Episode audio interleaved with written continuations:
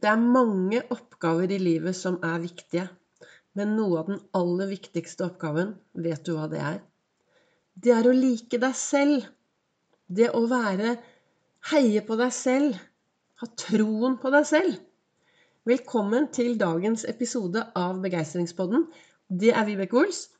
Jeg driver Ols Begeistring. Jeg er en farverik foredragsholder, mentaltrener, kaller meg begeistringstrener og brenner etter å få flere til å tørre å være stjerne i eget liv. Hva betyr dette å være stjerne i eget liv? Det, sånn som jeg ser det, så betyr det å være stjerne i eget liv Ja, det betyr å heie på seg selv. Det betyr å være fornøyd med seg selv. Det betyr å tørre å stå rett i sine egne sko. Det betyr å kunne stå opp for sine egne meninger. Tørre å si hva du mener. Tørre å ta gode valg å tørre å være skikkelig gode venner med deg selv. Jeg har min historie i bånn. Jeg hadde jo ikke så veldig lyst til å være her på denne jorden for ganske så mange år siden. Starte min reise fra zero to hero i eget liv, og underveis så ble da Ols-metoden til. Og det er jo det jeg snakker om på min eh, podkast. Podkasten har jeg holdt på med i to år, men fra mai så begynte jeg med daglige episoder. Og det jeg snakker om, er hva jeg reflekterer over i min eh, hverdag om morgenen for å få lage meg gode, meningsfylte dager. Og meningsfylte dager for meg er de dagene hvor jeg faktisk tør å være 100% meg selv. Hvor jeg tør å være hoppende glad, forelsket, sint, frustrert, trist, kjenne på alenetid kjenne på ensomhet, når jeg tør å kjenne på alt som kommer opp i mitt liv, da er jeg stjerne i mitt liv. Da føler jeg at jeg virkelig er den jeg skal være. Og i dag så satt jeg lenge borte i godstolen, masse stearinlys, reflekterte. Og så i denne kalenderen da, som jeg bruker til å reflektere over hver morgen, der sto det Det er ikke din oppgave å like meg. Det er min. Det er Brian Katie som har skrevet de ordene. Og det er ikke din oppgave å like meg og hvem jeg er. Det som er viktig, er at du liker deg selv. Jeg håper jo at jeg kan inspirere flere til å tørre å bli en god venn med seg selv. Og hvis du nå går bort til speilet ditt, eller om du sitter der du sitter, og så spør du deg selv hvor godt liker jeg meg selv? Liker jeg meg selv? Er jeg fornøyd med meg selv? Hva gir meg energi? Gir min måte å leve på meg energi i min hverdag? For det er noen, eh, noen der ute mener at det er vanskelig å leve pga. alle andre rundt seg. Det er vanskelig å gjøre jobben sin pga. sånn og sånn og sånn. Det er vanskelig å være glad pga. sånn og sånn og sånn.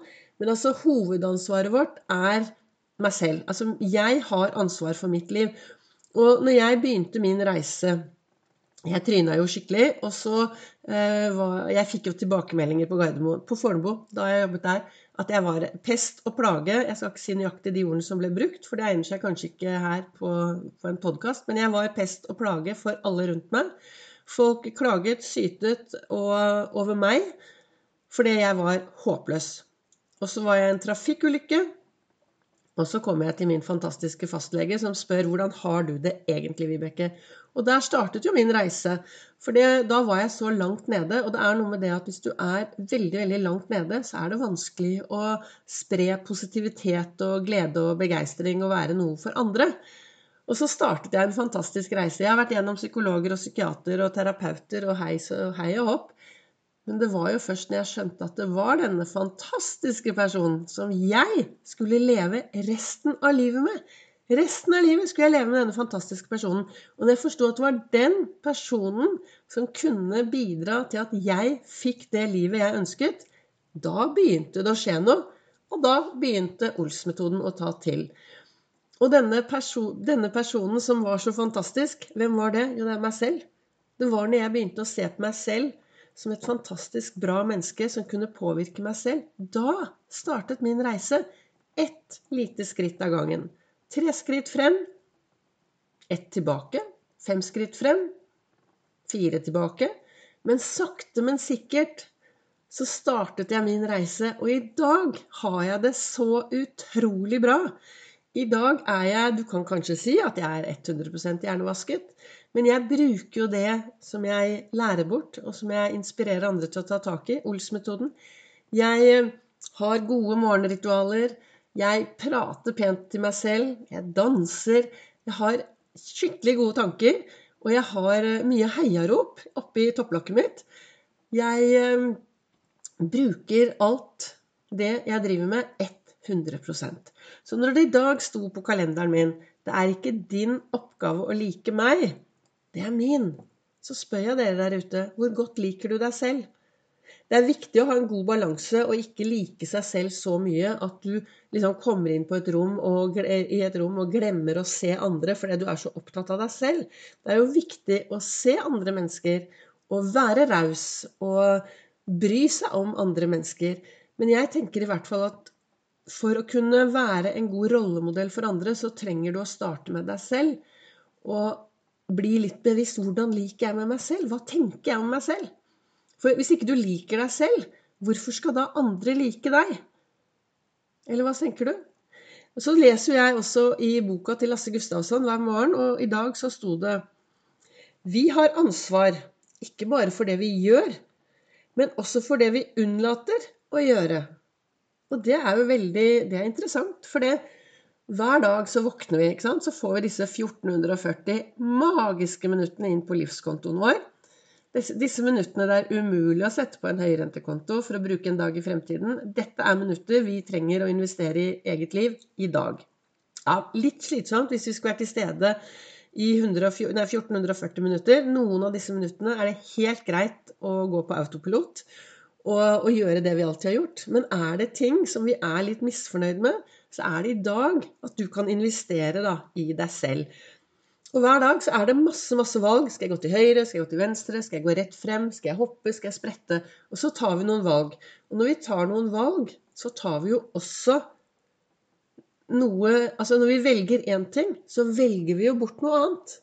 Og så av og til da, i etterkant så kan du sette deg ned og så kan du angre. 'Å, jeg skulle ha gjort dit det, og jeg skulle ha gjort ditt, og jeg burde ha gjort sånn, og jeg burde ha forstått. Jeg tenker det er veldig, veldig viktig å akseptere hele fortiden sin og tenke at vet du hva, alt jeg har gjort frem til i dag, har jeg gjort fordi jeg trodde og tenkte at dette var det beste. Men nå i dag så forstår jeg at kanskje jeg tok noen valg som jeg kunne ha tatt på en annen måte. Men jeg aksepterer fortida mi, jeg er venner med fortiden min. Dere vet, jeg har jo et skjelett sittende borti eh, stolen her. El Pasado. Og det er fortiden. Og vi er bestevenner. Jeg tenker jo bare Jeg sier jo takk, jeg. Jeg sier takk hver eneste dag, jeg. For takket være alt jeg har opplevd de siste årene, så står jeg så støtt i dag.